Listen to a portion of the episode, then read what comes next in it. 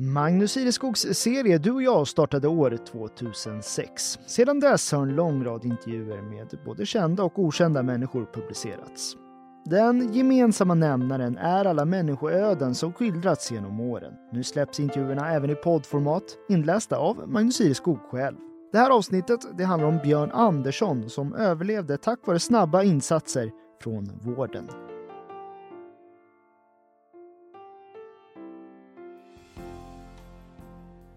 Det hängde på en skör tråd, kanske på minuter. Men med all den akuta hjälp han fick av sjukvården är Björn Andersson vid liv ett år senare. Det klagas för mycket. Alla som jobbar inom vården är hjältar, säger han i den här intervjun från december 2022. Så här skrev Björn i en insändare som publicerades i tidningen i samband med Lucia. Jag är ingen kändis. Jag är inte rik, inte vacker eller ung. Ändå lägger man ner så mycket tid, organisation och resurser för att undsätta mig i en krissituation och rädda liv. Och vidare skriver han Jag kommer aldrig mer att klaga över vår kommunalskatt. För så har väl han, precis som de flesta av oss, gjort emellanåt. Börsen har stundom varit tunn och att då se en betydande del av varje intjänad hundralapp fladdra iväg har varit tufft idag. Om inte förr vet Björn att de där pengarna landar där de som bäst behövs. De hjälper bland annat till att rädda liv. Som när han själv fick vätska i hjärtsäcken som komplikation i samband med en hjärtoperation. I Lucia-tid 2021 var han helt enkelt en hårsmån från döden. Om jag inte fått all den snabba hjälp jag fick då, då hade jag varit begraven idag, säger han och ser ut i vintern. Garde är vitt av snö den dag vi träffas. Den kunde minsann hållas i Norrland, tycker han med skatt. Snön alltså. Här i ett litet grönt hus vid vägen mot Djurgården har han bott i drygt åtta år nu. Lite märkligt egentligen, men varken han eller syrran hade någon anknytning till ön. Ändå hamnade de nästintill grannar. Ja, hon flyttade till Etelhem fem år innan mig och när hennes karl fick jobb på Gotland och tids nog flyttade jag efter, säger han. Vi ska till dramatiken i den här intervjun, till bilkraschen och hjärtåkomman och vem han blivit efter krisen. Vad gör krisen med en människa? Det ska vi fråga oss. Men först en liten bakgrund. Björn är stockholmaren som kom att arbeta inom elektronikbranschen. Allt från att reparera och kalibrera till att verka som chef. Den stockholmska accenten sitter i trots att han lämnade huvudstaden när han var 21 i början på 70-talet. Merparten av arbetslivet har tillbringats i Arboga men en bit in på 2000-talet när branschen störtdök hade han flyttat till östgötska Rimforsa och blev plötsligt utan jobb. Du vet, säger han, ingen direkt utbildning men med en förmåga att lära mig. Där stod jag ändå utan jobb. Det var 2002 och jag hamnade mitt mellan stolarna. Det höll på att ta knäcken på mig fullständigt. Så illa berörd blev han av Arbetsförmedlingen, säger han, att han utvecklade mentala problem och gick in i en depression. Så för att rycka upp sig och inte riva väggarna i huset gick han slutligen till en granne som var bonde och undrade om det inte fanns något han kunde sätta i händerna. Jag höll på att gå under. Det var liksom sista chansen, berättar han. Grannen drev ett smådjurskrematorium och det visade sig dessutom att ingen kan ha en aning om vilka vägar livet kan ta oss människor. För bonden var missnöjd med de askurnor som fanns på marknaden och varför då inte, tänkte Björn, börja tillverka en typ som fungerar bra. Sagt och gjort. 2009 levererade han sin allra första urna tillverkad av Björk Plywood i sin egenbyggda urnfabrik. Till dags dato har han inom sitt företag tillverkat runt 35 000 stycken. Idag är Björn pensionär men fortfarande aktiv. Två kunder håller han kvar och tillverkar idag omkring 2 000 urnor om året i sin lilla verkstad i Garde. För det var ju där han hamnade, i Garde på Gotland. Han växte ur den plats i Rimforsa där han höll till, övervägde att flytta till ön, så syrran höll ögonen öppna. En dag ringde hon. Jag har hittat ditt hus. Och så blev det. Hon hjälpte mig med ekonomin, berättar Björn. Min var ju i botten efter alla år av arbetslöshet, så jag hade inte råd att köpa något. Men i november 2014 flyttade jag hit. Utan någon som helst anknytning till ön. Ingen alls. Jag tänkte, hur ska det gå? Hur ska jag kunna ta plats? En 60-åring som pratar stockholmska, men det har funkat bra trots allt.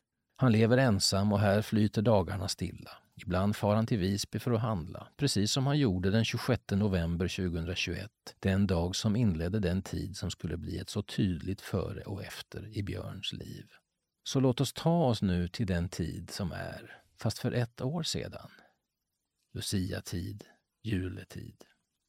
Då firade han jul och nyår tillsammans med systern och hennes man i Etelhem, nyligen utskriven från vården och dessutom återuppstånden från de närmast döda. För tänk vilken tur jag hade och vilken enormt skicklig personal som lagt ner tid och kunnande på mig. Jag känner en sån otrolig tacksamhet. Den 26 november var Björn alltså på väg i bil till Visby för att handla. Han närmade sig Roma samhälle, funderade på vilka butiker han behövde besöka och sen var det som i en film, berättar han. Du vet, när det klipper från en scen till nästa. Allt var plötsligt grått och med något vitt som virvlade i luften. Jag satt där som när man vaknar mitt i natten och försöker förstå var man är. Björn hade helt enkelt slocknat i bilen, gått av vägen åt vänster, tack och lov utan att få möte. Och det grå han såg var motorhuven. Det vita var talk från krockkudden som lösts ut. Så här beskrevs det på vår nyhetssajt helagotland.se klockan 12.07 den dagen.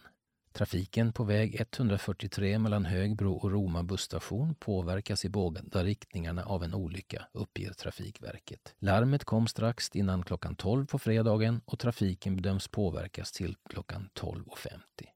Några enkla rader där bara, som inom sig bär en hel historia. Med ambulans togs han till Visby lasarett och där tar hans dryga tre veckor inom vården vid, de som kom att förändra hans liv.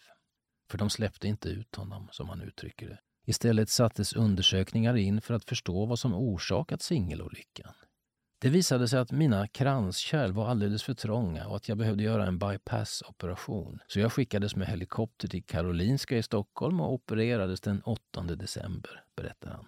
Så långt allt gott och väl. Björn flögs åter till Visby för några dagars tillsyn innan den tänkta utskrivningen.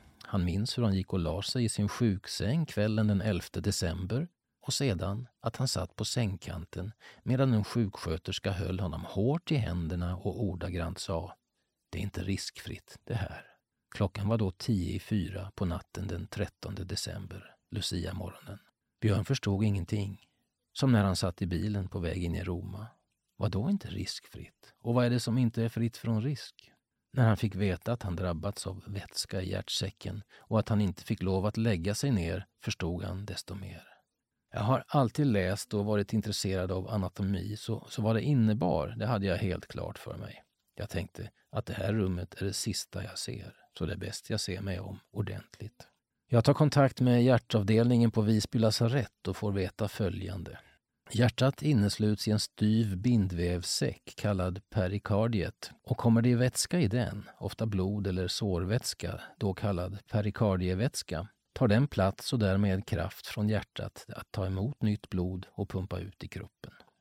Utvecklas detta långsamt, som vid en eh, lindrig inflammation, hinner hjärtsäcken tänja ut sig. Men kommer det snabbt kan det vara akut livshotande och måste åtgärdas inom timmar, ibland minuter. Men så blev det alltså inte. Det var inte det sista han såg. För in i rummet kom två kirurger gående, rakt på sak utan att spela tid. Hej Björn, godnatt Björn, vi ses i Stockholm. Samtidigt som larmet gått om hans belägenhet satte sig en hjärtkirurg ombord på ett ambulansflygplan i Umeå, flög via Stockholm och hämtade en kollega för vidare färd till Visby. Detta då vädret var för dåligt för en ambulanshelikopter att flyga från Visby till Stockholm och för att någon hjärtkirurg inte fanns att tillgå på ön. Ett par timmar senare steg de två alltså in på IVA i Visby och yttrade de där orden. Hej Björn, godnatt Björn. De tömde ut omkring en liter ur hjärtsäcken innan Björn under eftermiddagen, sedan vädret bättrat sig, kunde flygas till Stockholm för eftervård. Och här sitter han nu, Björn Andersson, ett drygt år senare, som en ny och delvis annan människa. Kaffe i koppen, en kanelbulle värmd i mikrovågsugnen.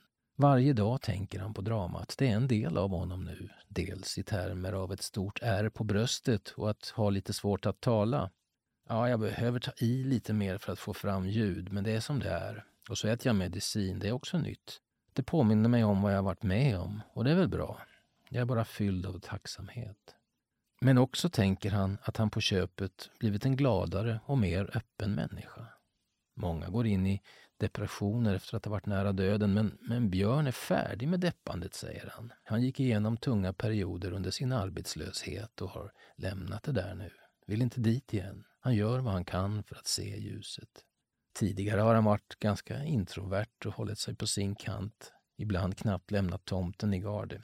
Annat är det nu. Han gillar att vara till hjälp för de som behöver. Han har så att säga elektroniken i sitt DNA och kan allt om sensorer, antenner, kablar och relän. Så när någon i bygden vill ha hjälp, då ställer han gladeligen upp. Det värsta är att folk vill betala. Det tycker jag är jobbigt, säger han. Ja, okej okay, om jag har behövt köpa en massa utrustning, men betala för arbetet? Nej, bjud på en middag istället, brukar jag säga.